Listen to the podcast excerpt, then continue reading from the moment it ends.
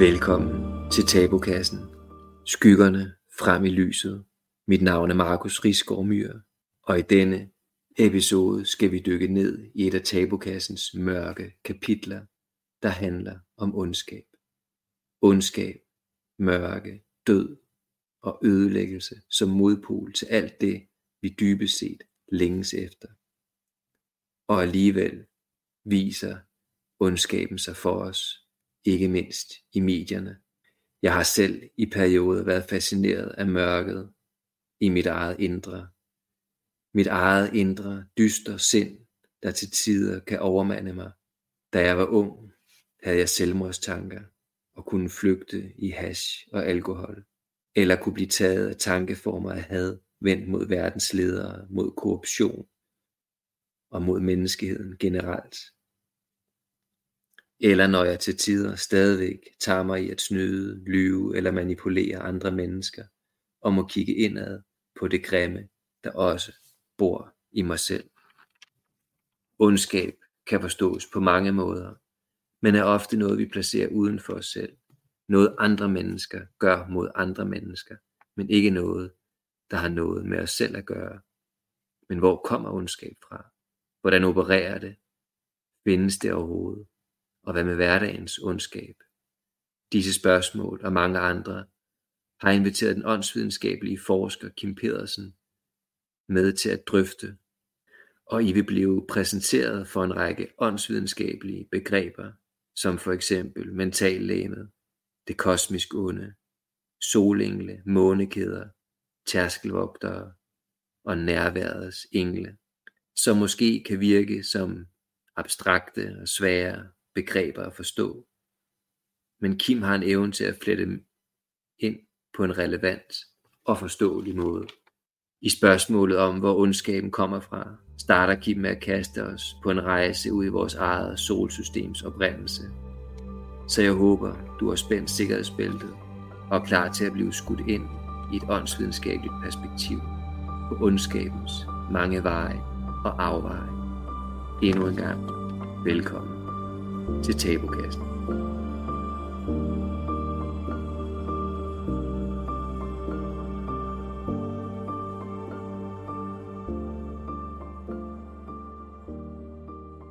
Velkommen til dig, Kim, og til den her podcast, Tabukassen. Tak skal du have, Markus. Jeg har set frem til at, at dele noget tid sammen med dig og lytteren eller seeren, eller hvad det måtte være, det ender med. Jeg er i hvert fald super glad for, at du vil være med til, til den her episode, som jo skal handle om ondskab, eller det vi er nået frem til måske nærmere at kalde modstandskræfterne, som jeg jo også anser som et stort tabu, fordi det er svært at snakke om ondskab, måske både i os selv og i verden. En af de formål, der er med at tage de her tabuer op, det er jo ligesom at ture og snakke om det, som kan være rigtig svært. Det, som vi normalt ikke rigtig har lyst til at drøfte, fordi at det kan ramme ind i noget, der kan være, der kan være svært at, at mærke og føle. Men inden vi kaster os ud i det her spændende og meget, meget store emne, så kunne det være rart, hvis du lige vil sige nogle ord om dig selv, Kim.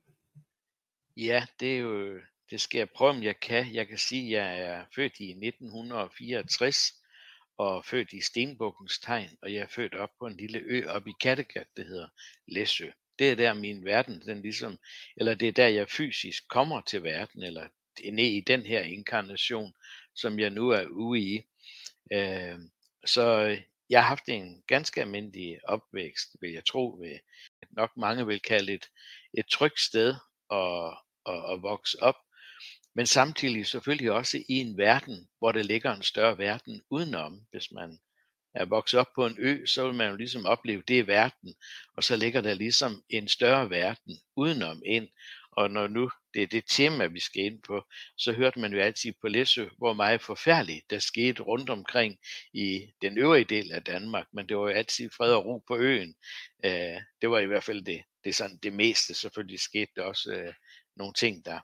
Men øh, i cirka, det skal gøre det ganske kort lige sige lidt om, hvordan jeg, hvordan jeg havnet, hvor jeg er.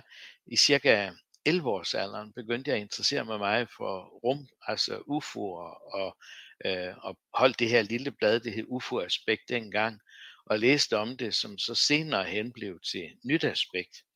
Øh, og så op omkring 18-årsalderen begynder jeg at møde, måske lidt før mødte jeg Martinus og læste hans hovedværker igennem.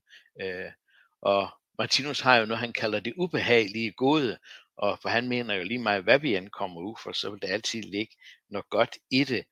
Så jeg er nok farvet lidt af Martinus' tanker der. Men så derefter, så mødte jeg transcendental meditation og begyndte at meditere med det. Og derefter møder jeg så teosofien og kommer i gang med i teosofien og jeg lever sådan set i dag at undervise i åndsvidenskab, så har der været en stor interesse for øh, de vestlige traditioner, som Rosenkreuz og Kabbalah, Rudolf Steiner, øh, Bailey, og i de senere år har jeg så beskæftiget mig rigtig meget med det, der hedder Enochs nøgler øh, igennem Hurtaks bog. Og i dag er jeg så øh, 59 år gammel, mens vi laver den her, så nu nærmer jeg mig et nyt et nyt rundt tal, som jeg skal til at vende mig til. Men øh, ellers så vil jeg sige sådan, yes, jeg er jo et menneske, der tror på reinkarnation, så jeg kan jo ikke, hvis jeg tror på det, så øh, anerkender jeg jo også karmaloven, og så kan jeg jo ikke tro, at vi sådan set kan komme ud for noget, der ikke har en årsag, og der ikke er en gammel virkning, som det munder ind i. Så det vil også være det perspektiv, jeg, jeg, jeg, jeg går ind til at sige ja til at, at deltage i din udsendelse her, Markus. Så det, det, det skal lytteren vide, at, at jeg er vant til at tænke på reinkarnation og karma som et faktum for mig. Det er ikke noget, jeg tror på, det er noget, jeg lever efter. Ja, og tak for, for den øh, introduktion, og det er jo også derfor, jeg har inviteret dig her ind i, i det her virtuelle studie til den her podcast og snakke om det her emne. Det er jo for os at have et, et åndsvidenskabeligt eller teosofisk perspektiv på det her begreb, som vi kunne kalde ondskab eller modstandskræfterne. Fordi at jeg synes, at, at teosofien eller åndsvidenskaben har et, et meget, meget spændende perspektiv på, på det her dilemma, fordi hvis nu vi skal gå, gå til, til kernen af det, så kan man sige, at, at teologerne i alle traditioner, de har haft svært ved at forklare, hvorfor er der ondskab i verden, hvorfor er der, hvorfor er der øh, død og ødelæggelse og smerte og lidelse og sorg og krig og alle de her følelser, som jo virkelig er ekstremt smertefulde. Hvorfor er det i verden, hvis Gud dybest set er god, eller hvis den kosmiske skaberkraft dybest set er god? Hvorfor er alt det her så skabt? Så hvis nu vi skal stille det helt store spørgsmål, hvor kommer alt det her fra? Hvor kommer den her ondskab, eller alle de her ting, som vi normalt definerer som ondskab fra? Hvis man skulle kigge på det, måske tillade sig at begrænse det til det område i galaksen, hvor vi er, og ind i det solsystem, vi er inde i. Hvis, hvis jeg må begrænse det helt ned i det lille område, i den mægtige galakse, vi bor i, så vil det måske ja. være der, vi, vi kan tage udgangspunkt. Fordi hvad der foregår ude bag ved galakse efter galakse efter galakse, ikke? Det, det, det, det tør jeg ikke at sige noget om. Men man kan, man kan jo starte med at sige, at det solsystem, vi bor i, der tyder det på, at vi har nogle planeter, som en gang imellem er kørt skævt i udvikling. Og, og øh, det, det er jo, vi har det jo lidt, for hvis nu vi, jeg kom nemlig, mens du lige introducerede, så kom jeg til at tænke på, vi har jo trosbekendelsen. Den starter jo med, altså, hvad hedder det, første, ikke man forsager djævlen og alt hans gerning og alt hans væsen. Ikke? Det, det er jo sådan, og så går den over til, jeg tror på Gud, fader den almægtige, ikke? Og går man ind i bønden fader vor, så har man jo også øh, frelser os fra det onde, ikke også derind til. Og går man ind i den store invokation, som teosofien har lanceret, så har man jo også det, vi forsejler døren til det onde. Så, så man kan sige, hvis vi i hvert fald øh, også kigger den vej ned i de øh, tre bønder her, eller hvad kan man sige, invokationer, eller hvad nu man vil kalde dem, så kan man sige, så starter den jo der. Og som jeg har forstået det i teosofien, så har man, man har altså to planeter, som den her sol. Og hvis man ligesom ser solsystemet måske mere som et læme, et organ, så har man jo, man har jo en planet, det her Malduk, som ligger mellem der, hvor Mars og Jupiter er. Og det siges jo, at den planet, den, øh, der fik det lykkes dem, der boede på den, og fik sprængt den i stumper og stykker. Og derfor har vi jo så den der ring i dag rundt, som vi kalder asteroidebæltet, der ligger derude, og hvor vi jo har nogle, øh, hvad hedder det, store, vi har jo sådan en som Ceres, den er jo faktisk opgraderet til at blive til en dværgplanet derinde, og vi har også Juno og Vesta og Pallas Athena derinde.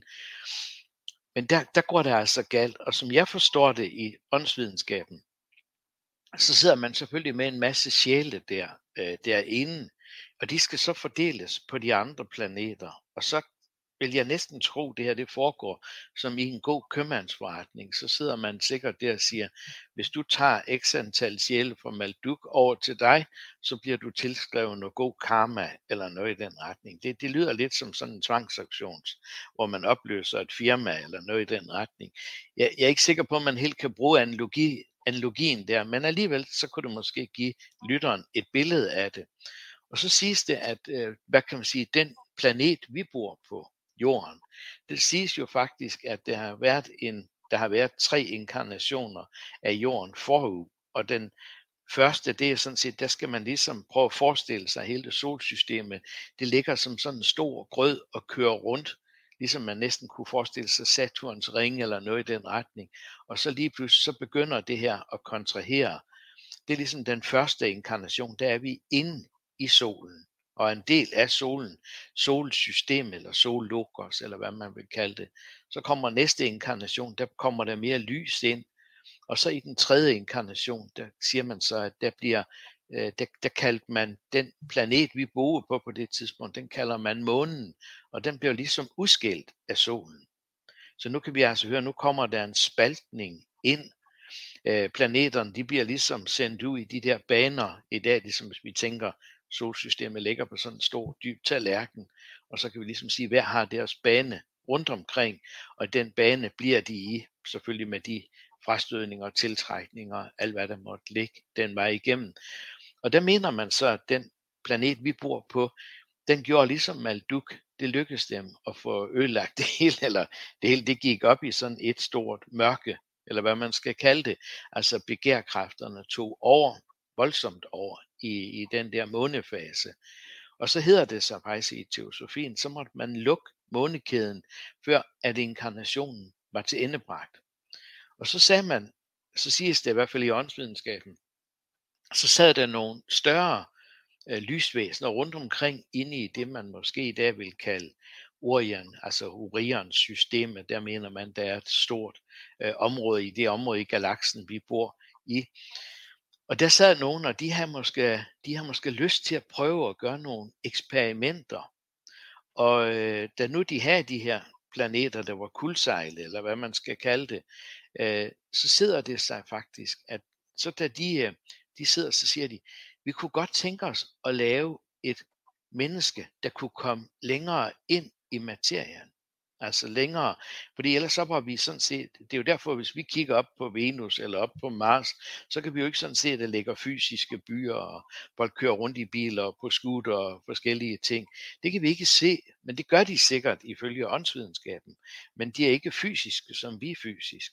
Og det var det der eksperiment, hvor de så sagde, tænk hvis vi kunne lave en krop, der kunne gå længere ned i en større dybde. Fordi man ligesom man skal forestille sig ligesom et pendul. Hvis pendulet det slår langt ud i materien, så kan det selvfølgelig gå til den anden side og så gå længere op i lyset. Det er mm. sådan set der, ja. Altså det er sådan, jeg i hvert fald forstår det i, og det er både i antroposofi og teosofi og Martinus' mm. kosmologi, ikke også derind til. Og det er det eksperiment, man så mener, at vi var nogen, der sagde, vi var, vi var havnet, jeg plejer gerne at sige, at vi har havnet sådan en stor introduktionsmøde, og så var der nogen, der sagde, vi er, vi er i gang med sådan et eksperiment derovre. Det er slet ikke sikkert, det lykkes. Men er der nogen her, der har lyst til at tage jer tid i evigheden, og har lyst til at være med på sådan et eksperiment? Og så kan jeg altså regne ud, der var en, der hed Markus, og der var en, der hed Kim, de rækker hånden op og sagde, ja, vi vil gerne være med på det her eksperiment. Det har vi aldrig prøvet før. Og derfor siger man sådan set, at vi gik ind i den allerdybeste materie. Ja, jeg ved ikke, om, om det er okay, Markus, men det er sådan, mm kort fortalt ligesom, hvordan åndsvidenskaben, og så kommer man ind, og så er det jo, der begynder at komme de her store reaktioner ind i solsystemet, karmiske relationer ind i solsystemet. Og der siger man jo sådan set, at vi fik nogle meget store bølger ind fra månekæden der ind til, og vi, vi fik jo, vi har sikkert fået, og i dag det siger man jo faktisk, at jorden er et mægtigt centrum, og, og, og fordi vi har den her modstand, og jeg ved ikke, om jeg skal bruge ordet ondskab, eller hvad vi skal kalde det, Markus, derind til, så siger man faktisk, der sidder mange rundt omkring i galaksen og siger, kunne vi også få lov til at komme over og prøve det derovre, for det har vi aldrig prøvet før. Så mm. øh, jeg tror, når engang vi er færdige, og, og det, det må ikke forstås på den måde, at jeg, jeg ser noget godt, altså på den måde, selvfølgelig har jeg den dybeste medfølelse på de mennesker, man kan bare tænke, hvad det, hvor mange unge russere og ukrainer, der ligger og får skudt arme og ben af, i, mens vi sikkert sidder og laver den her udsendelse, ikke? og i Palæstina og mange andre steder på kloden. Ikke? Øh, det, det, selvfølgelig har jeg en medfølelse for det, men jeg bliver også nødt til at sige, med en reinkarnation i hånden, så kommer der, vil det komme noget godt ud af det derindtil. Men mens det står på, så kan man selvfølgelig aldrig nogensinde øh, øh, ja, jeg jeg er jo selvfølgelig tilhænger af, jeg støtter selv Amnesty International og sådan nogle ting, ikke også? Altså, der frivilligt donerer til, og, og, og sådan nogle ting for at prøve at være med til at dæmme op for den der vold i verden, ikke? til. Så, så, så jeg har selvfølgelig den dybeste medfølelse, men jeg kan ikke undervise i reinkarnation og karma, også uden også at være tvunget til at forholde mig til, at der også kommer noget ud af det. Det, det, mm. det, det håber jeg lytterne, så de, de ikke bare tænker, at det er sådan et, et forfærdeligt monster, der sidder der, der bare, der mm. bare hvad hedder det, sidder og ser det hele i nogle meget store perspektiver. Det er ikke sådan, jeg, jeg, vil, jeg vil kigge på det, men, men jeg ser selvfølgelig på det, at, at, at øh, der ind til, og, og kigger man ind, nu har jeg arbejdet som klaverjant i mange år, sidder og kigger ind i folks tidligere øh, krop og udviklinger, der har været i kroppen, ikke? og set selvfølgelig misteprocesser og alle de der ting. Øh, det, det er måske det i dag, jeg, jeg er blevet meget opmærksom på, det er de der dårlige barndomme, ikke? I første omgang, og så se også, hvordan det påvirker flere generationer frem. Og der er du jo sikkert meget mere specialist, end jeg er, Markus, vil jeg, vil jeg gætte på det derindtil. Så jeg ved mm. ikke, om vi ligesom kan sige, at vi, vi har fået hul ind i at sige, hvor kommer det fra? Øh, kan vi... Ja. Altså nu har, nu har du hvad kan, sådan malet et, et, et, et, et billede, et åndsvidenskabeligt billede af solsystemet, og hvordan at de her kræfter, de ligesom har gjort, at der er en række sjæle, der har inkarneret ind på jorden i, i det dybeste materie, og, og måske sådan, hvordan kobler du så de her, kan man sige, sådan kosmiske begivenheder i solsystemet med, at at modstandskræfterne de, de træder ind i den menneskelige bevidsthed? Ja, det, det, er, jo et, det, er, jo et, det er jo også et, et super godt spørgsmål, du, at øh, man kan sige, da jorden kører, og ligesom man har det, man kalder de faldende engle, ikke også, altså som det hedder. Altså man, man mener jo faktisk, at ude på planeten Merkur, der mener man i den aura, der er omkring Merkur, herinde i vores solsystem, der mener man jo, man har det, man kalder, i Østen kalder man dem Nirmayakajerne, og i Vesten kalder vi dem ærkeengle. Og der mener man jo, der var nogle af de her ærkeengle, de faldt, altså de, øh, de faldt for fristelsen, eller det er ikke til at vide, om de faktisk får en anden belønning. Så derfor kan man ligesom sige, jorden, det var det, jeg, jeg sådan var lidt inde på, da, da månen bliver, kommer ud af solen, og vi ligesom i dag oplever den der øh, splittelse, så skal man, for at forstå det her i åndsvidenskaben, så skal man prøve at forestille sig, vi stiger ligesom ned i et, øh, vi har noget, vi kalder involution, vi stiger ned i. Og der kan man, man kan sådan set sige, hvornår starter involutionen, hvis vi skal trække den både op i en menneskelig, menneskelig perspektiv, og derindtil, så kan man sige, det er, jo ikke, det er jo ikke noget, der starter den der, du bliver født, fordi man kan sige, der ligger der jo gå meget forarbejde ifølge åndsvidenskaben forud for, hvem vælger du som forældre, hvad barndom skal du have, og så videre, og så videre. Men der skal vi jo huske på, når vi så kommer ind på jorden, så kommer vi ind på en planet, som Martinus i hvert fald er meget inde på. Han siger, den, det er det sted måske i, i det, det nærmeste område inden for Sirius-systemet, hvor vi har den der, hvis ligesom du kan forstå, du tænker, her har vi den laveste udvikling, og heroppe her har vi sådan nogle Buddhaer og Kristusser. Og alt inde i det her spændrum, der ligger der, det siges der i åndsvidenskaben, det er der næsten ingen planeter, der har så stor en spændvidde fra dem, der lige er begyndt på en udrejse, og så til dem, der virkelig har udviklet det her til, til e-, ekstreme højder, som mm. nu tillader mig at sige Buddha og Kristus og Muhammed og ja, altså, hvad kan man sige, store lysende væsener, ikke også derind til. Og, og derfor skal vi huske på, når vi kigger, i hvert fald når jeg ser på det her, så tænker jeg altid, kigger jeg på en narkoman, eller kigger jeg på et eller andet, så tænker jeg altid, det jeg skal se efter, det er ikke, hvad de er nu, men hvis jeg hele tiden holder det for øje, når jeg ser dem, jamen en dag, så er det dem, der opnår en Buddha-bevidsthed. Ikke? Altså, man, man, må aldrig, man må aldrig tænke, jamen de er for tabt, fordi det findes ikke i åndsvidenskaben. Du, du mm. kan forhindre dig selv i at nå nogle ting, men der findes ikke noget, der kan, der kan tabes. Der vil altid være en fremadskridende udvikling. Og det er så der, hvor vi kommer over i evolutionskræfterne. Og derfor kan man sige, du kan sådan set leve et ganske godt liv, kan man sige, så længe du ikke rører ved evolutionsvejen. Altså hvor du begynder at gå tilbage til lyset. Fordi det er jo først, når du begynder at, hvad kan man sige, nærme dig lyset igen, så opdager du mørket eller ondskaben i dig selv. Det er sådan i hvert fald, jeg vil sige, det er jo den, der begynder at oplyse det, der kommer indenfra, ikke? Altså, det er jo også jeg, jeg ved ikke, nu, nu ved jeg jo, du er seksolog også, ikke? Det er jo først, når man gifter sig, og man begynder at bo sammen med en partner, så opdager man jo lige pludselig, hvad er det for nogle skygger, du har inde i dig selv, men man begynder også at se skyggen i den anden. Og der er det vi så ligesom, hvis vi kigger på, eller har en tanke om, vi har noget, vi involverer os i, og når vi først har involveret det os i noget, så kan man sige, hvordan kommer jeg så ud af det? Og når mm. du begynder at skal ud af det, så er det ligesom, så har vi jo det, som i hvert fald som jeg forstår i moderne psykologi, ikke? så begynder vi at have det, der hedder projektioner.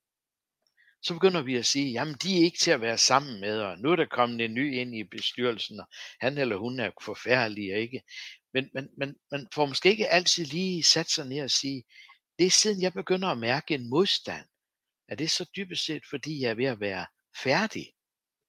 Og bliver jeg der så hængende for længe, så begynder jeg jo nærmest at skabe en modstand.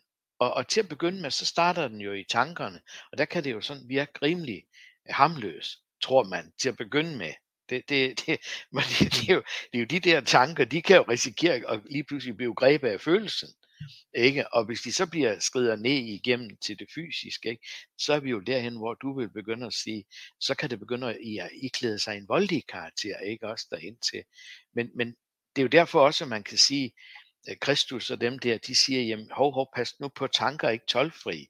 For hvis du først har sat det i gang deroppe i sindet, og du begynder at køre projektionen, hver gang du skal møde vedkommende i bestyrelsen, eller i beboeren, naboen, eller et eller andet, øh, så der er det jo det, det er nogle hårde, fine grænser, det der med, skal du tage kampen op?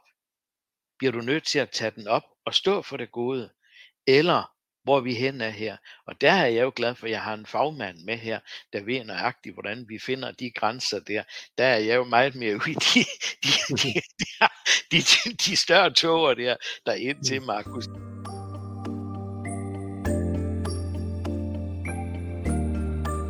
altså som astrolog, og nu er jeg interesseret mig en del for astrologi, man siger jo gerne, det er vægten, det er der valgkrisen er, det er, hvornår vælger du at sige, nu er nok nok, Hvornår vælger du at sige, ved du hvad, jeg bliver nødt til at ringe til kommunen, for jeg har sådan en mm. fornemmelse af, der foregår noget inde ved naboen, som måske ikke er, er til det bedste for børn, eller konen, eller manden, eller et eller andet derind til. Hvornår træffer vi det valg? Og, og derind til, fordi det, det er jo dybest set, så hører vi jo, altså i min verden, så, så hører vi jo tit, mange gange så tænker vi, det er sladder, det vi hører, ikke? Vi tænker, ah, det kan da ikke passe, det, det er sådan, det hænger sammen vel derindtil. Men så lige pludselig, så begynder man måske, når man har hørt noget sladder eller noget, så begynder man måske også lige at, at stramme sindet lidt mere op og iagtage lidt mere på det, ikke? Og, og, og andre gange, så kommer folk måske også hen til dig selv Fordi dybest set, i min verden, så har jeg nogle gange været glad for folk, der kommer og siger til mig, ved du hvad Kim, du, du, du taler ikke hensigtsmæssigt. Prøv, prøv lige at være opmærksom på, hvad du siger derind til. Jeg ved ikke, om du nogensinde har oplevet sådan noget, Markus. Du er sikkert et meget mere rent og fint menneske end mig. Men, det tvivler jeg på, Kim. Tror du det? det er men, men, men det er jo det der med, fordi bliver jeg sur, og, og, og hvad hedder det, projicerer den tilbage igen, eller er jeg så åben i sindet, så jeg tænker, hov, det var, det var en flot, jeg fik en fin tilbagemelding der. Og det er vel også derfor, alle butikker i dag med respekt for sig selv, hvis du køber bare en lille debedut, ikke, så kommer det, var ekspedienten flink ved dig, og vi får alle de der evalueringsskemaer ud. For evalueringsskemaer for mig, det er jo sådan set det, vi bruger på at evaluere os tilbage til lyset, og komme fri af mørket og modstand. Jeg ved ikke, hvordan du vil beskrive det, men, men det er sådan, jeg i hvert fald oplever det.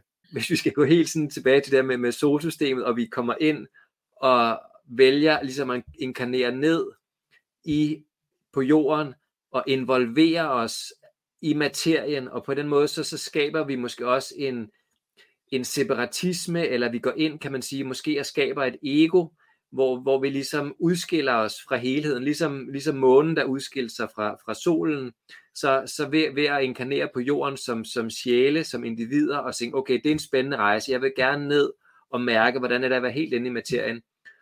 Og, og der tænker jeg også, at, at som du siger, jamen så kommer vi ned og mærke fornemmelsen af afgrænsning.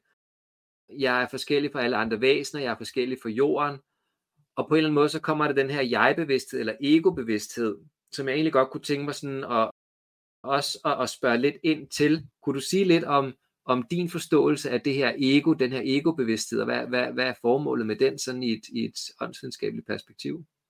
Ja, altså der har jeg lyst til at referere lidt til Martinus, fordi der synes jeg, han har nogle meget, meget fine forklaringer på det her.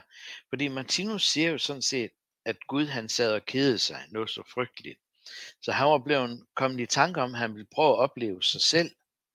Og derfor blev han ligesom en eksplosion sket i en masse små gnister, som han så sendte ud. Og, og, og de begynder så på, en, på det, igen det, vi kalder en lang evolutionsrejse. Ikke? Først så ligger de inde i en guddommelig puppe, og ligesom bare oplever noget, de har oplevet før, som det han kalder guldkopier. Og så siger han, så, så rejser de sådan set videre ned, men, men Gud ville jo, via, fordi han, han kendte jo godt sig selv, så, så det var jo ikke noget problem. Men det var det, hvis han tænkte, hvis jeg splitter mig selv op, og, og nu kan du, kan du igen høre, nu kommer ligesom med månen, vi får en usplitning. Ikke? Og, og, og det, der så var ideen sidste, det var, at der blev så koblet en, en det, vi kalder en, en solengel til os. Det, det skulle være nogle væsener, som kommer fra Sirius af. Det er ikke sikkert, de er Sirius, men de har ligesom været et, et sted der. Så kommer de over til os. De begynder så at bebosætte os indvendigt. Men så er det jo igen det der med, at Kim og Markus, de skal have lov til at opleve, at de er nogle helt specielle, unikke væsener. Og derfor får vi sådan set tildelt det, vi kalder en tærskelvogter. Og denne tærskelvogter har sådan set den opgave og låse os, så vi ikke kan smutte hjem til Gud og opleve, at han kan opleve sig selv, men at vi ligesom skal, vi bliver ligesom tvunget til at gå på den der rejse.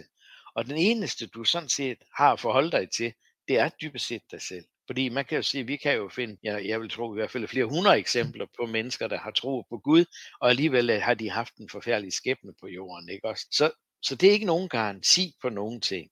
Men den der tærskelvogter, det er den, der låser os, mens vi går ned og bygger det, som du kalder ekokernen her, Markus. Det er sådan, mm-hmm. jeg forstår den, ikke?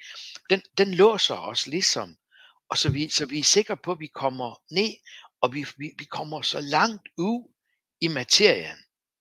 Fordi du kan godt se, ligesom hønsen, hvis du har en god øh, hønseavler, ikke, så lukker han jo hønsen ud om dagen, når det er lyst, og så får reven ikke skal, skal spise hønsen, så lukker han dem ind om aftenen lukker døren, så reven ikke kan komme derind det, det er sådan set det tærskelvogteren gør også for os. Det er sådan set den gode hønsevogter, ikke også? At han holder os derude, så, så du og jeg, vi får alle de erfaringer, vi skal ind i. Og, og de der erfaringer, vi skal ind i, det er jo så der, hvor vi jo i mit univers får alle de her tabuer Øh, ikke også? Fordi så er der nogen, for at begynde at komme ind, når den her kerne skal begynde at opløses. Nogen de bliver måske soldater og går en frygtelig skæbne igennem. Andre går måske igennem noget seksuelt misbrug. Andre går ind måske og bliver noget andet. Altså ligesom hvis man kigger på, det er nogle tabu-typer, og dem kunne man næsten gå ind i astrologien og så sætte et af dem her på hver af dem der ind til. Så, så vi, vi, skal alle, vi har alle sammen været inde i en dårlig barndom, eller et, et eller andet misbrug på en eller anden måde. Det kan være alkoholmisbrug, det kan være misbrug af, af, af tanker eller følelser, ikke? Altså hvor vi lader det negative fuldstændig vinde overpas ind i os. Og derfor kan man sige, så kan man sige, det, det er ligesom der, hvor du bliver separeret ind i mørket. Men så er det, som jeg siger, så længe du bliver derinde, så, så, så sådan set trygt. Det er kun, hvis du begynder at bede om, at du skal have mere lys ned. For så begynder lyset jo at oplyse den anden vej. Og det kalder man så i åndsvidenskaben, det siger man, den ene side, der har du det, man kalder tærskelvogteren. Og på den anden side af den, der har du det, der hedder nærværelsens engel. Og de to, det der sådan set er i det, det er, så længe vi to ikke har fået erfaringer nok, så vil tærskelvogteren hele tiden sige, og, og, og, og der bruger han jo så de værktøjer, han har inde i os. Og det siger man jo sådan set, et af hans allerbedste værktøjer, det er angsten. Ikke? Og det er jo sådan nogle, det er psykologerne, der sidder sat i verden for mig bekendt. Det er jo for at hjælpe mennesker med, ikke måske at blive kvidt angsten, men lære at leve med det som en ven, som jeg har forstået det, i hvert fald i mindfulness, og det er ikke også ind til. Så, så, og, og mens du så lærer at gøre det, og der siger man så i åndsvidenskaben, at den angst, som du og jeg har, det er slet ikke vores egen. Men det er det stof, som jordkloden altså fik lavet derovre i månekæden, som vi var inde på før, der er der det, det stof, som så kommer over til, til den planet, vi i dag kender som jorden. Der er noget iboende angst i. Og når, og når jeg møder samtidig mennesker, der siger, jeg har overhovedet ikke angst, øh, så, så, så sidder jeg altid og lurer lidt og tænker, ah, kan jeg vide, om de er bevidste om, øh, jeg ved ikke, om du har mødt nogen endnu, der sådan kan sige sig 100% fri for at være angst der til Markus, men det har jeg ikke, men øh, mm. jeg vil selvfølgelig altid glæde mig til den der, det sker, eller nogen, der siger, jamen vi har lært, vi, vi, vi går igennem de der processer, ikke? og det er jo de der processer, psykologiske processer, det er jo for mig at se, det er jo der, vi, vi vokser i lysets tjeneste. For så begynder nærværelsens engel at ligesom at presse på for at nedbryde de her forskellige lag i det, vi kalder tærskelvogteren. Ikke? Fordi tærskelvogteren, det er jo den, der låser os i de der former, ikke? Og de der former, det kan man sige, hvis nu det er på mentalplanet, så er det jo det, vi kalder altså tankeformer. Og det kan jo være, vi har jo masser af tankeformer, ikke? Du kan bare se som dansker, ikke? Der, nu taler jeg så, nu ved jeg ikke, jeg, jeg, man skal altid passe på med at tale på alles vegne, men hvis vi nu ser på Danmark, ikke? Vi mener jo, vi er meget unik, specielt i samarbejde, ikke? For EU tør vi jo ikke melde os helt ind i, der stemmer vi jo nej, men vi vil frygtelig gerne have goderne, ikke? Men vi er angst for at miste vores individualitet. Tænk, hvis der sad nogen i Bruxelles, der, der, der kunne sige et eller andet, ikke også, som, mm-hmm. som vi oppe i Danmark kunne blive frygtelig provokeret af, eller få masser af projektioner på. Ikke? Det så vi også i mange år, vores politikere. Ikke? De har masser af projektioner på EU, men de vidste godt, ligesom tærskelvogteren og nærværelsens eng. Så hvis jeg tillader mig at bruge det billede på det, det er sådan, jeg i mm. hvert fald, jeg ved ikke, om du mm. kan være lidt enig med mig, eller uenig med mig der, jo, jo, men ligesom jo. et billede på en gruppe mennesker, som danskerne, så, så derfor kan, mener jeg faktisk, vi kan godt bruge de her billeder til at forstå os selv. Fordi når mm. vi kommer, når vi inkarnerer ind i en familie, så har vi jo allerede tankegods med, hvis vi tænker reinkarnation, så har vi jo allerede noget tankegods med fra nogle forrige kropper, kroppe, som ligger derude. Der har vi udviklet mentallægeme. Så har vi måske været nede, arbejdet med astrallægeme, det ikke? Jeg, jeg plejer, nu, nu, nu bliver det her altså meget forenklet, ikke? Så jeg plejer gerne at sige, at jeg er sådan en, der har siddet sikkert i den katolske kirke og sunget hymner, så jeg har altid haft sådan en tendens til at blive lidt overvægtig. Ikke? Mm.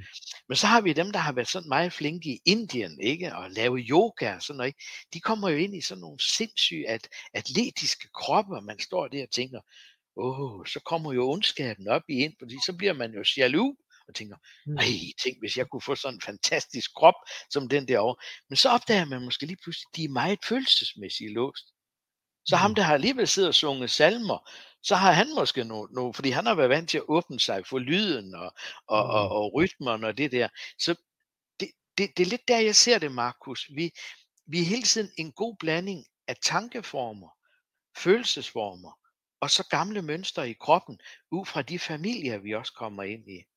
Jeg har sådan en, jeg, jeg plejer gerne at sige, jeg har sådan en lille tysk krop, sådan typisk med hår på ryggen og det der. Så jeg er jo sådan typisk, kan man godt se sådan lidt middelhavsagtig, sådan gammel græker eller noget. Så jeg er heller ikke mm. ret høj, vel? Så vi kan, man kan også, Letbitter, han siger jo tit til os, han siger, når du møder et menneske og kigger på den, så siger han, så ser du din far og din mor og dine tidligere inkarnationer.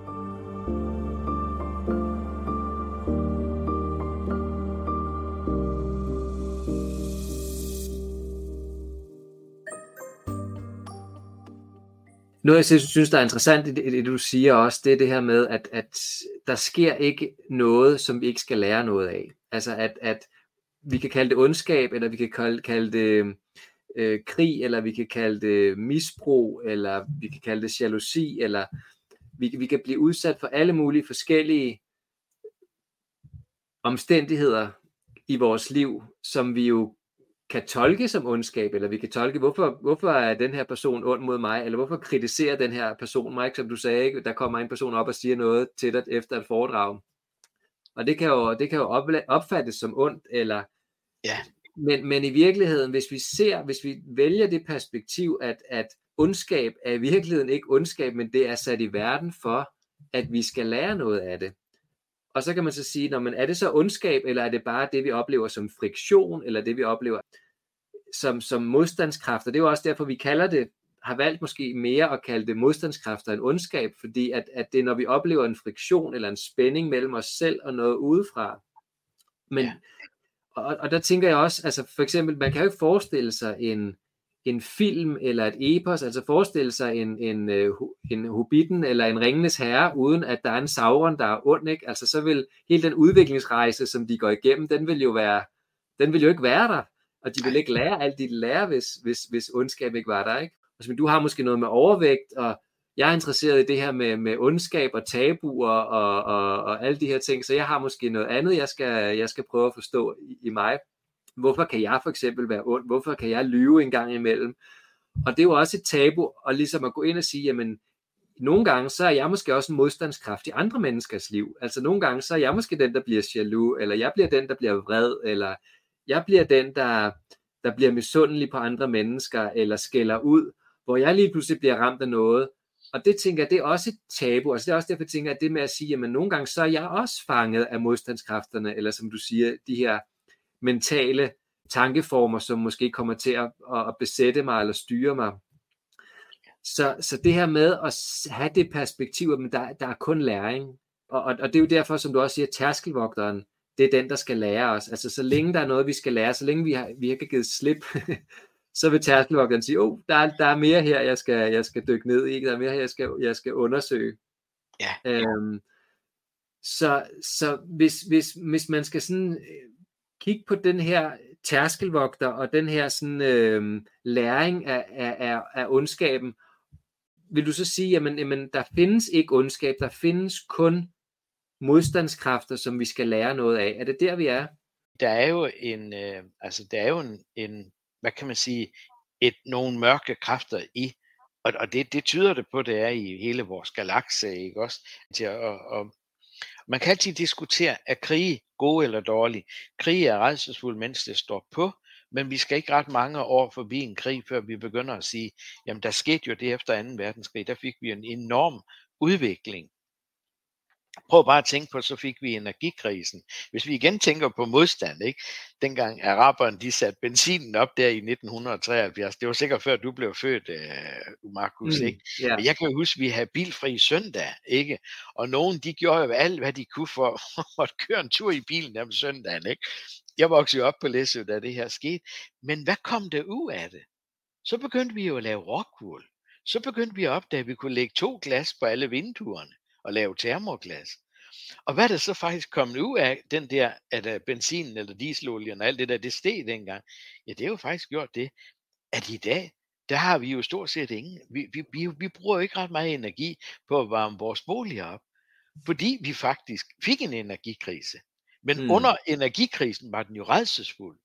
Og, og det vil vi måske også se sidste år, hvor at lige pludselig, øh, hvad hedder det, igen, at brændstofpriserne gik så voldsomt op der under Ukrainekrigen. Men, men se, hvordan det har udviklet øh, fjernvarme og, og varmepust og alt det der. Altså, vi har jo lagt enormt meget om. Så, så hver gang vi, vi, vi får de her krig, vi kalder det jo kriser, ikke? Når vi er inde på det her, du og jeg nu, så prøv også at tænke på, hvor hurtigt vi er til at kan lære noget nyt. Det, der, der synes jeg jo altså, hvis jeg må have lov til at rose menneskeheden og klappe os selv lidt på skulderen og sige, mm. hold da mund, hvor er vi dygtige. Altså, mm. hvor hurtigt vi kan ændre ting. Læg mærke til dengang vi stod, da jeg var barn, ikke Markus, der gik vi jo ned i banken, og der stod de jo ned og stemplede på sivekorten og alt sådan noget. Ikke? Fordi hvis, hvis man kigger på det danske samfund, altså så, så må jeg jo sige, jeg oplever jo en ærlighed og en, og en hjælpsomhed, som så kan man altid sige, ja, men jeg, har, jeg har hørt om en, der var ude i bus, de var udsat for det og det. Men prøv at tænke på, hvis du, nu bor, jeg, du bor i, i Københavnsområdet, gør du ikke det, Markus? Eller? Nej, jeg, jeg, jeg bor faktisk på Djursland. Jeg er flyttet til oh, noget, der okay. Trustrup. Så, ja, okay. Men, men du det, har boet jeg, jeg, er op, jeg er vokset op i København, så det er ja. ikke mere end, end, end to år siden, jeg flyttede til det jyske. Nå, okay, men jeg tænker på, altså hvis jeg kommer til København og kommer ind i metro, eller kommer ind i, i øh, de der S-tog og sådan noget, jeg synes jo, man møder jo alligevel en venlighed og en evne til, at vi får det til at køre og sådan noget. Ikke? Så, så der vil jeg altså mene, der mener jeg faktisk, vi er ret gode, hvis jeg skal. Og hvis jeg kører normalvis i bil, en gang imellem kommer der nogen, der overhaler indenom og, og sådan noget. Ikke? Men, men i de store træk, så synes jeg, på færger, der er en hjælpsomhed og en, og en enorm god vilje, synes jeg, mm. i menneskeheden. Det er den, ja. jeg møder mest, det må jeg altså. Så ved jeg ikke, om det er, fordi jeg har noget specielt god karma eller noget. Det skal jeg lade være usagt, ikke? Men selvfølgelig kan jeg nemt finde nogle punkter her i Aalborg, hvor jeg bor. Jeg bor inde i centrum af byen her, ikke? Øh, og det er jo selvfølgelig også virkelig, virkelig godt, og det er jeg jo fuldstændig enig i, at heldigvis så er, er gode mennesker og kærlige mennesker og forstående mennesker også det, jeg møder stort set hver dag i min hverdag og på arbejdsplads osv. Men vi ser jo så også, som du siger, der er, der er forskellige kriser. Der kan være en energikrise, som du, som du nævner, ikke? og en anden verdenskrig, hvor man kan sige, at det er jo forfærdeligt, og måske øh, 50 millioner mennesker dør, og, og, og de øh, forfærdelige krigsforbrydelser og menneskerettighedsforbrydelser, der er blevet lavet på den konto. Ikke? Men hvad er der så kommet ud af det? Hvad vi lært af det? Ikke? Der kom en FN ud af det, ikke? og der kom ja. fokus på menneskerettigheder i en grad, som vi aldrig har set før, og en, og en forståelse af, at, at vi bliver nødt til at stå sammen nationer på verdensplan. Ikke? Ja, og, og det kan man måske også overføre til nutiden. Så er der sådan en som Putin og, og Netanyahu, og, og at de er også en form for tærskelvogter, der siger, at altså, det er jo forfærdeligt at se, hvad der sker i nyhederne, men hvis vi ikke skal blive grebet af det, hvad skal vi lære af det? Altså, så er danskerne stoppet med at bruge øh, gas, fordi at vi ikke vil være afhængige af russernes øh, gas. Men, men det er jo bare en af, en af konsekvenserne af det, ikke? Men, men er det ondt, eller er det bare, kan man sige, kræfter, som vi skal lære noget af? Er det, er det noget, som, så vi bliver nødt til at sige, jamen, jamen det, det, er, det er en del af, af menneskehedens udvikling. Der, der tror jeg nemlig, at jeg vil gå tilbage til de der gamle tankeformer, Markus. Ja. Fordi jeg tror jo dybest set, at det er måske det Putin, han er måske i gang med at tage et opgør med sin egen om de gamle tankeformer. Man kan se, Don, hvis nu jeg igen også må sige, kig på sådan en som Donald Trump, hvor han skal jo gøre Amerika til det, til det, det var. Altså det er jo det, han i hvert fald siger, han skal gøre Amerika stort igen. Ikke? Mm. Det, det, det, det, er i hvert fald det, han, det siger, han siger ud af munden. Om, om jeg så har misforstået det, eller nu er jeg jo ikke så god til engelsk, men det er i hvert fald sådan, jeg har forstået det, han siger. Og så kan man jo ikke lade være med at tænke, jamen, og Putin, han skal jo have det her store Sarens Rusland igen. Han glemmer måske så lige, at han skal aflevere noget god bit til Sverige, fordi hvis vi sådan, hvis, nu kommer det på, hvor langt vi skal kigge tilbage i historiebøgerne, ikke? Men, men det, jeg vil, det, jeg vil sige med det her, det er jo også Netanyahu, ikke? Fordi hvis man går ind til Alice Bailey, så kan man jo diskutere, om jøderne skulle have haft Israel. Det, det, det, det, den diskussion kunne man måske godt, og den er måske farlig at tage op, og, i hvert fald i de her dage. Men det var måske planen, at jøderne skulle have boet rundt omkring og have integreret sig sammen med de andre anden strålemonader, fordi i teosofien, så er jøderne jo tredje strålemonader. Og, og når, hvis de har hvad kan man sige, var bundet mere ind i de andre verdener, så har vi måske fået, var vi måske klar til efter 2. verdenskrig at sige, ah, det der, det var nok ikke nogen god idé, det vi har fået gang i der. Så, prøv, så prøver man jo så at give dem den stat dernede. Men det gjorde man jo på andres bekostninger. Og, mm. og, og, og nu sidder han jo over ved at lave det her store Rusland igen. Hans store drøm er at lave det. Det er de gamle tankeformer. Tænk hvis sådan nogen som dig og mig, vi satte os hver uge og lave en podcast om, nu skal vi have Danmark til Ejderen, og vi skal have Norge og Sverige, de skal tilbage til dronning den første. Der er ingen tvivl om andet. Vi kunne vække de der tankeformer. Men jeg, jeg er bange for, Markus, at siger til Kim, ved du hvad, Kim, det, det, det er mit liv for kort til. Jeg gider altså ikke, mm. fordi jeg, mm. jeg, kan, jeg kan jo fint holde til at rejse op til Sverige. Hvis jeg har lyst til at gå en tur i Sverige, så rejser jeg jo bare over til dem og oplever, at det er nogle mm. skønne mennesker. Og så har de sådan en mærkelig dansk dialekt, ikke, som de ja. kalder svensk, ikke, og rejser op til nordmændene, ikke, så siger man, jamen i stedet for at vi skulle bøvle med at have det store land igen, så er det jo meget nemmere at lade dem sidde deroppe, ikke og, og, og så videre og så videre.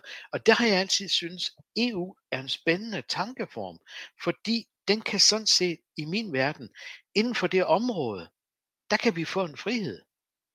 Altså det, det, i gamle dage, der kunne man ligesom, hvis du går tilbage til, hvis vi var gået langt ned i middelalderen, ikke, så er det jo gamle kongedømmer, eller hvad hedder det, vi har haft her igennem også Jylland, ikke? Øh, men nu har vi bare fået nogle større enheder, og ligesom sagt, men, men tænk, hvis Putin han har sagt, jamen tænk, hvis jeg kunne få Rusland ind i NATO og ind i EU. Og så har, så har vi jo, han kunne have åbnet det op, og vi andre, vi kunne have sagt, hold da mund, ved du hvad, det er da meget bedre, at dig og Ukraine, I dyrker korn, og så, så kan vi udlægge nogle af vores områder til nogle miljøområder, ikke? Altså, hvis vi, mm. hvis vi turde tænke virkelig stort ind i det her, ikke? Fordi han har, de har jo nogle arealer, som i den grad er, er egnet til korndyrkning og så videre og så videre. Og så vi har sagt, ved du hvad, så laver vi noget andet herover, ikke? Altså, mm. Men det er ligesom man kan sige, nu skal vi tilbage, og jeg tror, at det vi kommer til at se efter den her krig, det tror jeg, det bliver nogle store, ligesom vi har fået FN, som du siger, efter 2. verdenskrig, så tror jeg, at vi, vi kommer til at se, der er noget nationalisme, som kommer til at falde nu. Hmm. Og jeg tror simpelthen, vi, vi vil sige til os selv bagefter, jamen er vi så optaget af, at vi skal have den nation, eller og, og lige stand med, med Kina også, ikke? For Kina er jo også et, altså man kan jo se, at Kina, det, det betyder rigtig meget for den kinesiske regering at have Tibet, og nu vil de mm. også gerne have Taiwan og Hongkong, ikke? Og man tænker, jamen jamen, hvorfor der ikke bare ligesom øh, danskerne og svenskerne og nordmændene sætter at få lavet en pasfri union, så I kan have glæde af hinanden? Hvor, hvorfor, hvorfor skal ham de sin penge stå der og sige, jeg bestemmer? altså der tænker jeg igen, jeg ved ikke om det er ondskab, eller det er tankeformer, eller hvad det er, men, men måske i stedet for at sige, jamen giv, dem der, giv det der frit.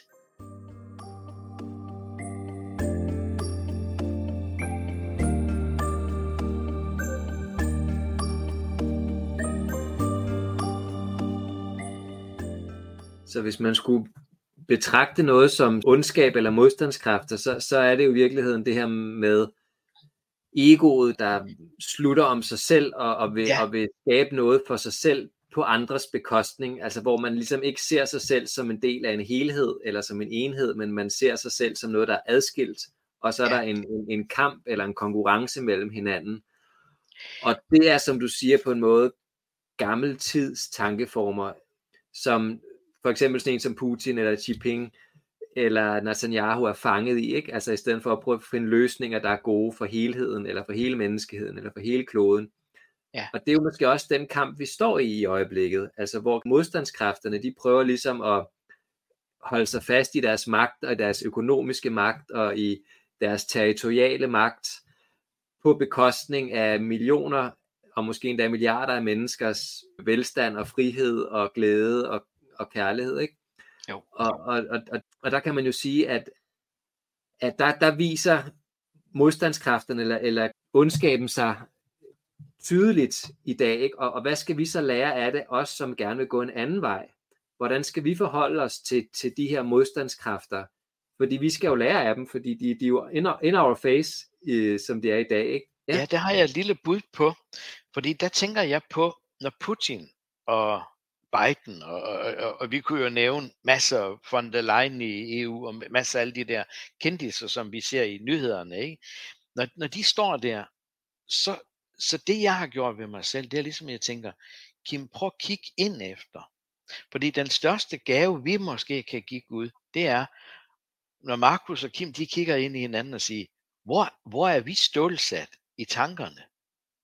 Og hvis du og jeg, vi siger, hov, de der, den og den, fik det frem i mig. Hov, hvis jeg så får løsnet mine gamle tankeformer, så skal vi jo huske på, hvis du løsner dine tankeformer, så er det jo ikke bare Markus, der løsner dem, men du løsner dem jo også i den familie, og den, hvad skal vi kalde, matrix, som du er en del af. Og du mm. kan jo mm. risikere, hvis nu du har en kæreste, eller en kone, eller et eller andet, eller børn, eller et eller andet, så skal du jo huske på, at hvis du løsner dine løste tankeformer, så løsner du dem jo også over i dem. Så begynder du at stille dem frit også. Så mm. derfor kan man sige, hvis, hvis vi virkelig vil gøre noget, så i stedet for at tage et flag og gå ud og sige, jeg er imod, så kan det være, hvis, hvis, hvis vi to og sagde, jeg kører en time med min, med min dybdeterapeut og siger, at nu skal jeg altså have, nu skal jeg have løsnet mine, fordi nu jeg pokker mig ikke, nu skal de ikke øh, ligge derinde og, og, og, og vise tænder af mig, vel ligesom sådan løve, der knurrer lidt der, ikke også, og siger, du skal ikke komme tættere ind til mig, der, ind til. Så jeg tror faktisk, og, og det tror jeg faktisk, det er det, vi kommer til. Det er den der, måske mere at sige, kan vi løsne det i os selv? Og, og jeg kan sige, hvis de kan få en modstand op i os, enten for os til at gå ind i sorg, eller angst, eller et eller andet felt, så er vi jo ikke fri. Så er vi, så er vi jo dybest set ikke mm. frie, vel? Mm. Hvor, for der med, hvis, det, det er for mig at se, jeg, jeg, jeg, jeg har jo siddet rigtig mange timer sammen med Asger Lorentzen, ikke? han sagde altid det der, han sagde, jamen kan du sidde, altså hvad kan man sige, fuldstændig uden, og, og altså kan du, kan du være neutral? Hvis der kommer en diskussion om Putin er god eller dårlig, ikke? Og, og det, men hvis du så gribes af det her og siger, nej, han skulle slås ihjel eller et eller andet. Men hvis du kan sidde neutralt og sige, ja, og jeg, jeg, det, der kan jeg nogle gange, ikke altid, men nogle gange, så synes jeg godt, at jeg kan være heldig at så blive siddende og så til, sige, også som du siger det her med, og siger, jamen, hvad er det for en gave, han har til dig og mig? Mm. Mm. Og hvad er det, han, kan han vække noget ind i dig og mig, og kan vi to allerede løber vi, løber vi lynhurtigt videre ind og sige, hvor vi to vi så begynder at sige, kan jeg vide, hvad det er, han vil give os? Mm. Kan du se? Så, så er vi jo allerede begyndt at tænke i løsninger. Ja, så, så hvad er det, du tror, at en som Putin, han kunne give dig? Altså, ja, han har jo givet mig, fordi jeg har jo, jeg har jo sådan haft en, jeg har, jeg har altid synes Rusland har været igennem så frygtelig mange lidelser med de ledere, de har haft. Så, så jeg havde et håb om, at han kunne have været en eksponent for en ny verdensøkonomi. Også fordi jeg kender lidt til astrologi og stråler og sådan noget. Fordi jeg ved jo, der skal komme et nyt økonomisystem til jorden. Og det kan faktisk godt være, at det er det, han kommer til at grundlægge i det der Brexit, han er i gang med. Er det, ikke, er, hedder det ikke Brexit, det han kalder det der, hvor de der lande er ved at begynde at kigge på nogle nye valutaformer? Det, det har jeg faktisk ikke styr på. Så det, Nej, det, det er jeg heller ikke, men, men det er noget i den retning i hvert fald, at han ja. har, det har han jo en drøm om, at gøre et eller andet. Fordi man kan sige, at det vestlige system, det er nok ved at være kørt lidt ud på sidste salgsdato, hvis man skal. Det, det nærmer sig i hvert fald sidste salgsdato, tror jeg. Mm. Så, så vi er godt klar over, at, at vi, vi skal have noget nyt. Og det kan jo også godt være, at det er det, han ender med at give os og, og så bliver måske så nogen som du og jeg i næste liv, så kigger vi tilbage i historien og siger, gud, der var en periode ind, det hed Putin der, og prøv at se de der 20-30, hvor han sad og styrede Rusland, der kom han jo faktisk til at gøre det og det, ligesom vi i dag kan kigge tilbage på Churchill og, og, og, og Roosevelt og alle de andre store præsidenter og det, som har været der ikke, og Stavning i Danmark og så videre, så videre. Og det vil måske være det samme, vi, vi vil kigge på med, med, med Putin, tror jeg. Men, men hvis nu vi kigger, Markus, her, og så mm. siger det er jo sådan set den politiske del af det her. Mm. Jeg kunne jo godt tænke mig, at vi også tog den op og så sagde, hvad med undervisning og modstand mm. i undervisningsbranchen? Du og jeg kan jo ikke undgå at høre, hvad der bliver sagt højt hvordan er det med de der drenge, der sidder ude i skolerne nu, der bliver låst 10 år og skal sidde stille og bare tage imod? Og, og vi, hvis nu vi kigger ind i den der mandige krop, som de er inkarneret ind i, den er jo sådan set meget mere skabt til at gå og gøre noget andet. Nu må jeg bruge ordet, er det godt eller skidt? at vi sådan set kører skolerne, ja. måske næsten meget mere på pigernes præmisser. Ikke? Så, så hvad med hele undervisningsprocessen der? Ja, vi kan jo godt blive enige om, at vi får skabt en masse systemer, som vi presser ned over en masse unge mennesker, som vi så diagnostiserer med ADHD, i stedet for at finde ud af, okay, skulle vi måske lave systemet op, i stedet for at gøre mennesker forkert, ikke? Og, og det, er jo, det er jo, tænker jeg, jo en, en læring, som, som hele mennesket er gået igennem, ikke? Altså det, det, er jo også, det kan jo også være den ægteskabelige institution om, hvordan, hvordan skal vi være sammen som par, ikke? eller hvordan skal vi være sammen som kernefamilie, eller hvordan skal vi organisere ja. altså et samfund, ikke? og så ja. hvis man så ikke passer ind, så er man en kætter, eller man, er, man bliver det sorte får, eller man bliver brændt på bålet, eller man bliver udstillet i medierne, ikke? altså det er jo, eller man bliver gjort psykisk syg, eller unormal på en eller anden måde, ikke?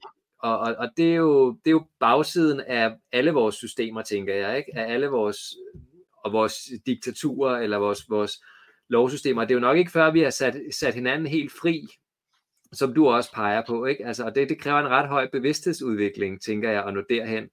Men vi skal måske igennem alle de her kulturelle faser, alle de her forskellige måder at indrette os på som mennesker. Altså, det er jo alt sammen en læring, hvor der er en masse, der, der, der får brændt nallerne i, i, i processen, kan man sige, ikke?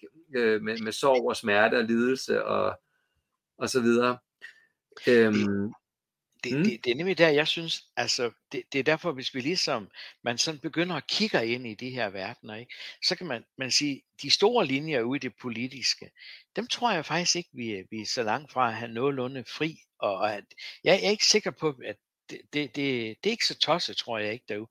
Men, men jeg, vil, jeg vil næsten tillade mig at sige, jeg frygter mere vores undervisningssektor. Og på hvilken måde? Til, altså i forhold til, at jamen, den, jamen, den altså undertrykker med, unge mennesker.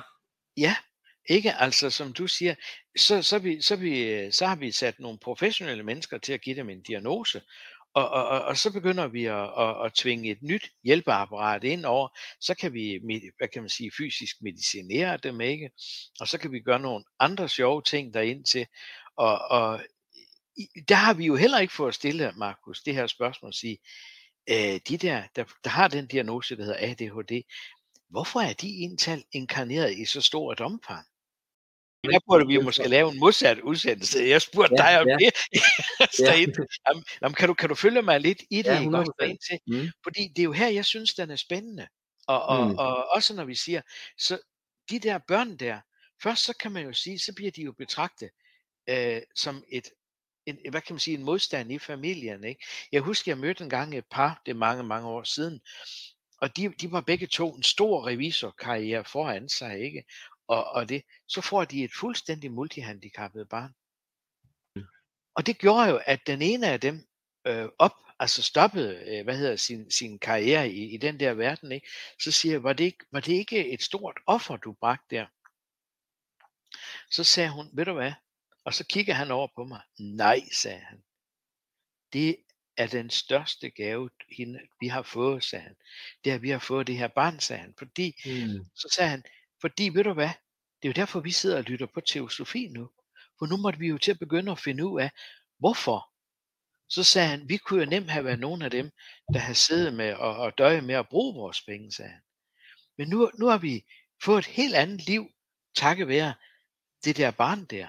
Så sagde han, så det barn så sagde han, så jeg faktisk lige vil sige, det er jo barnet, der måske har offret sig for os, for at hjælpe os, og måske ikke. Og så sagde jeg, okay, så kan det være, at vi kunne måle det op på en vægt, ikke? Og så sige, ja, du får, og du giver, og du får, og du giver. Ikke? Altså igen, hvis man tænker på, at det hele tiden er sådan et otte-tal imellem tingene, ikke også? Jeg tror her til morgen hørte jeg uh, lige igen med, altså hvor mange, der er syge, for eksempel, som er ansat som socioassistenter der, der vil jeg måske gå og begynde, øh, Markus, igen at tillade mig at sige, har samfundet, altså dem, vi har sat til at lede det her, øh, for det første, hvis de har en løn vel på en 2-23.000, det gør jo, at de kan vel ikke engang bo inde i Aarhus by, fordi det er lønnen vel nærmest ikke engang stor nok til. Og hvad løn skal være og alt det der, det har jeg ikke en pind forstand på, det, det skal jeg nok. Men jeg tænker bare på, vi har nogle servicemedarbejdere, der sidder ude og laver service for samfundet.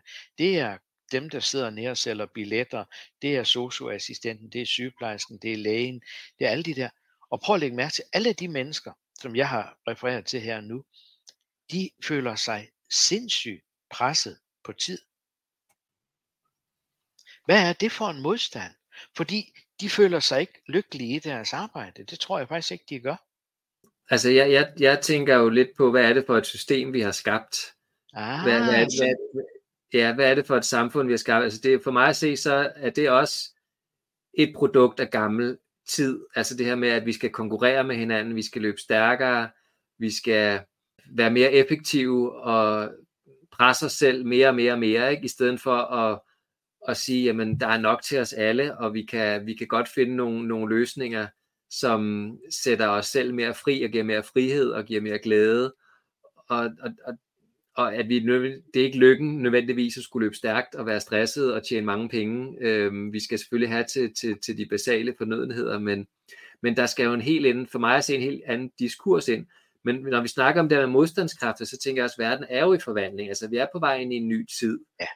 Og det er klart, at, at de her gamle tankeformer, gamle måder at gøre tingene på, også mange politikere, de holder fast i dem, fordi det er det, de kender til, og de ved ikke, de, de, de har ikke visionen om en alternativ måde, at verden skal indrettes på. Og som du siger, et nyt økonomisystem skal vi jo have, ikke? Og, en, og, en, og en helt ny måde at tænke verden på, økologisk, øh, politisk og, og kan man sige landbrugsmæssigt. Altså det, det er jo på hele vejen rundt, 360 grader, vi skal tænke anderledes. Og, og, og der, der tror jeg bare, at vi står i den her fase, ikke? og det er jo modstandskræfterne, der presser på for at holde fast i det gamle, og så, så mennesker, der tænker, der tænker nyt. Ikke? Så hvis vi skulle sådan se, vi er jo på vej ind i vandbærens tidsalder, Ja. og der, der synes jeg jo også, det er interessant at se, at, at i alle store overgange, der vil man jo opleve lidelse og smerte, fordi der kommer en kamp mellem det gamle og det nye. det, det, det, det er jo den, det er den, jeg, altså det er jo derfor, jeg hæver det her emne op, ikke? Også fordi jeg tænker, her, her ser vi jo virkelig kampen mellem den nye verden og den gamle verden, ikke?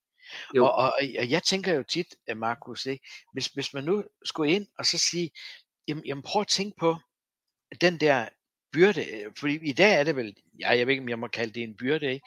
Men, men det er i hvert fald noget, jeg kan godt se, at vores politikere, de kigger ind og så siger, åh, oh, de burde have 60 kroner mere i timen eller et eller andet. Og så vil samfundet begynde at sige, oj, så siger finansministeren sikkert, de der tanker, dem bliver du nødt til at glemme alt om, fordi så, så er det, som du siger, så er det jo den gamle tankeform ind i matrixen, økonomimatrixen, den møder jo lige pludselig modstand over i, hvad kan man sige, den gode viljes energi, ikke også? Så, så der får vi jo lige pludselig en ny, hvad hedder det, altså splittelse imellem de to verdener.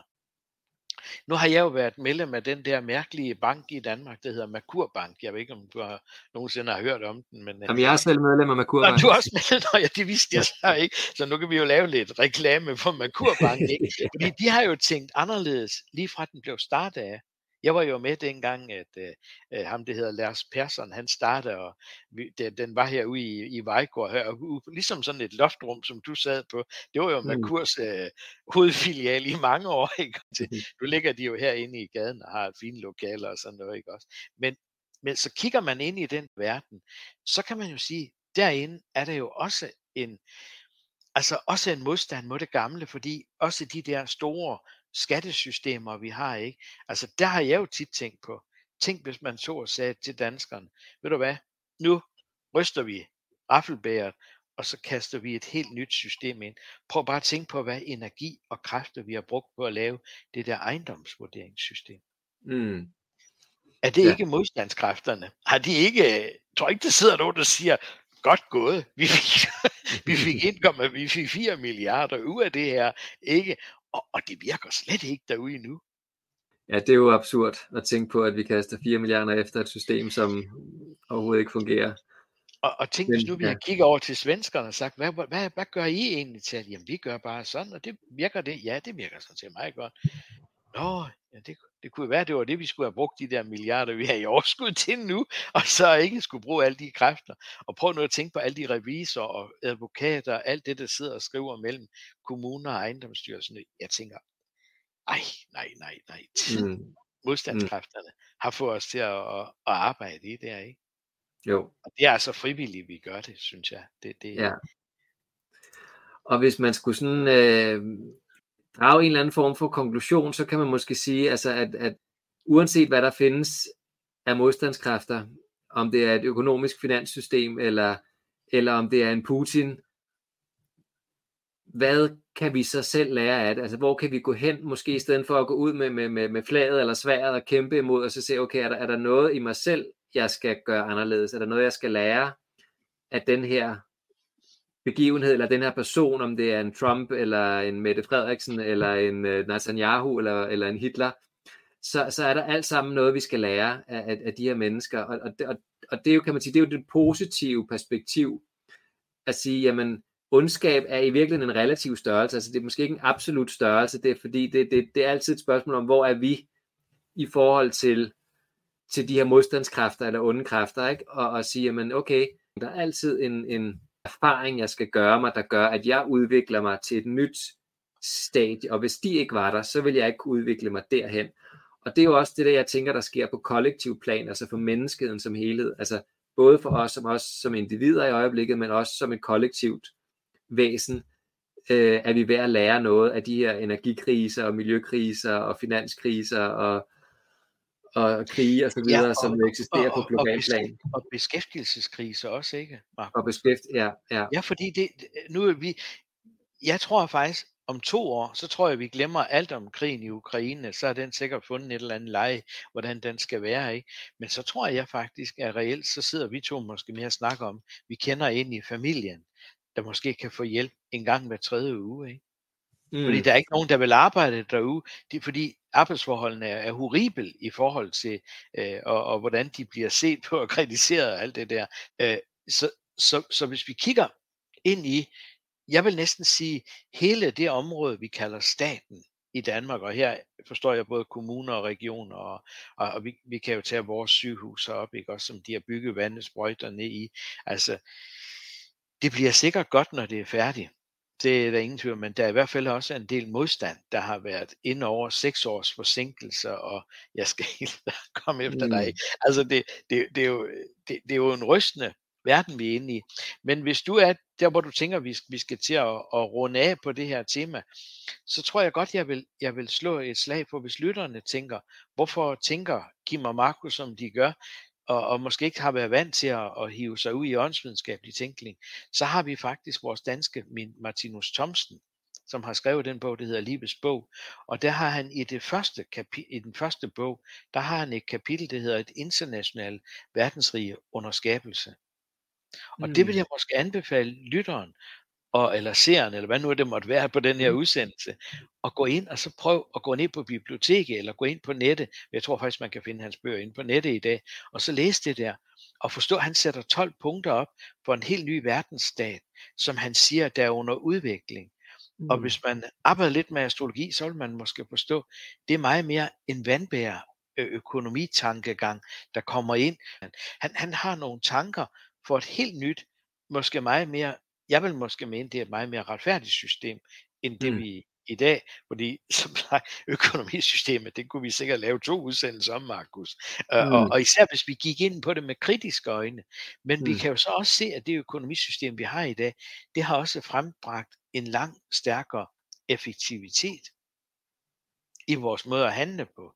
Ikke? Ja. Og, og, og det, det, det kan man synes jeg se i sygehussektoren. Ikke? Fordi sygehussektoren, den, da jeg var barn og lå på St. Josefs Hospital herovre, der har man jo indtryk af, der var det kærligheden, der var fokus på. Hmm. Men i dag på sygehuset, det er som at køre over med bilen. Og så spørger mekanikeren, har du siddet og rørt lidt ved den, og har du, har du snakket lidt med den om, at den var syg? Nej, jeg har skiftet den pære.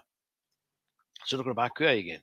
Og, og hvis jeg kigger lidt ind i vores sygehussektor i dag, dem der arbejder der, de er jo nærmest blevet reparatører. Jeg, jeg, mm. det kan godt være, at jeg, jeg gør det her alt for enkelt, ikke?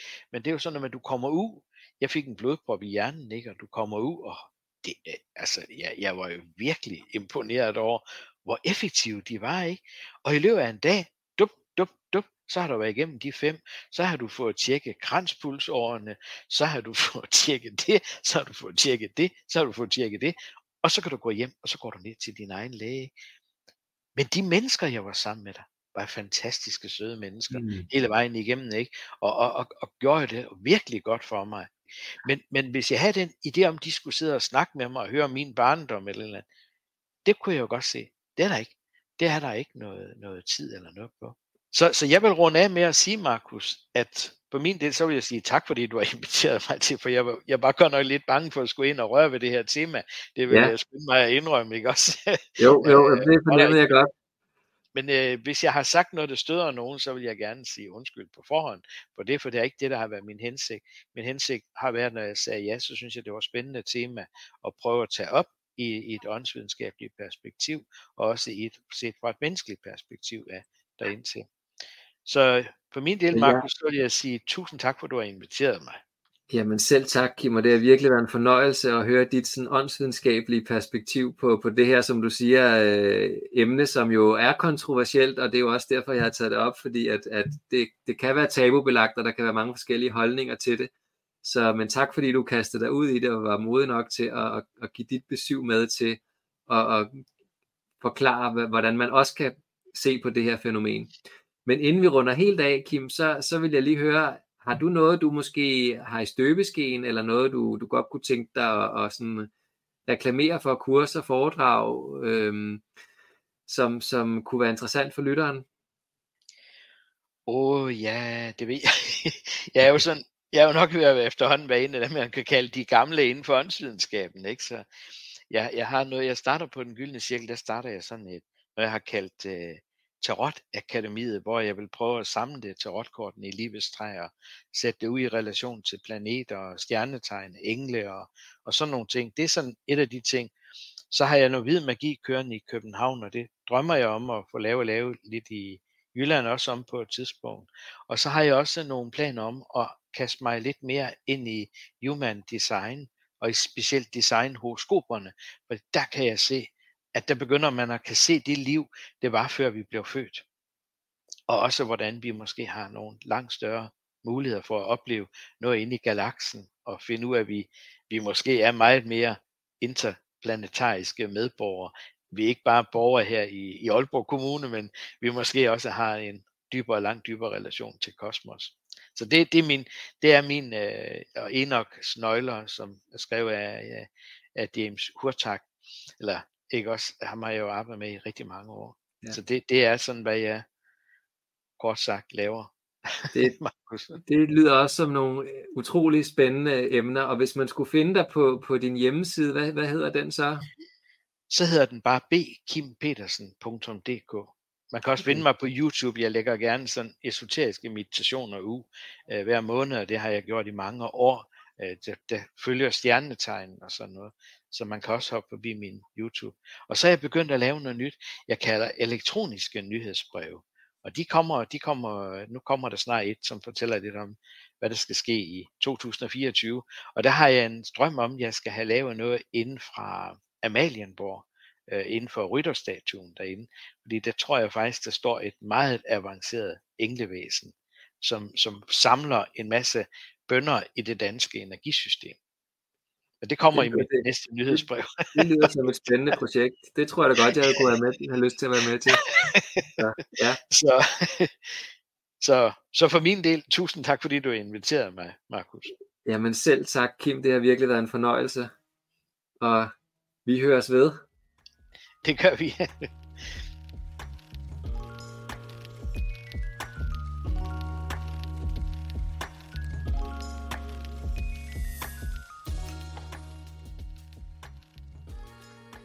så har Kim forladt rummet, og jeg vil linke til Kim Pedersen inde på vores Facebook-gruppe Tabukassen.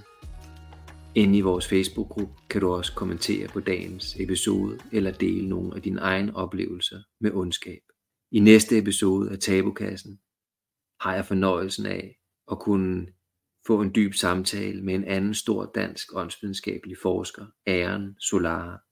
han vil dele sin egen oplevelse og møder med ondskaben, og hvordan vi kan bearbejde og arbejde med mørket i os selv og i verden. Jeg tror på, at for at få kærlighed, håb og lys til at skinne på jorden og i os selv, bliver vi nødt til at konfrontere mørket i os selv og på jorden med ærlighed, bevidsthed, kærlighed og lys. Det er mit håb for dig og for mig og hele jorden. Lad ærligheden tale og tabuerne falde.